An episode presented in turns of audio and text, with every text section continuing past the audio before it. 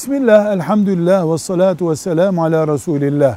Bugün alimlerin giydiği, imamların da camilerde giydiği cübbe, Resulullah sallallahu aleyhi ve sellemin kıyafetlerindendir.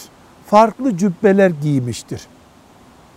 Cübbe bildiğimiz pardüsenin ta topuklara kadar inen veya e, diz altlarına kadar inen kumaştan yapılan bir modelidir. Sonraları alimlere, şeyhlere mahsus gibi zannedilmiştir ama Efendimiz sallallahu aleyhi ve sellem giymiştir. Kolsuz giydiği bir cübbe de var ona abiye deniyor. Şimdi abaye gibi kullanılıyor bu kelime. O daha çok e, vücudu toplamak için, kıyafeti örtmek için giyilen bir tür. Velhamdülillahi Rabbil Alemin.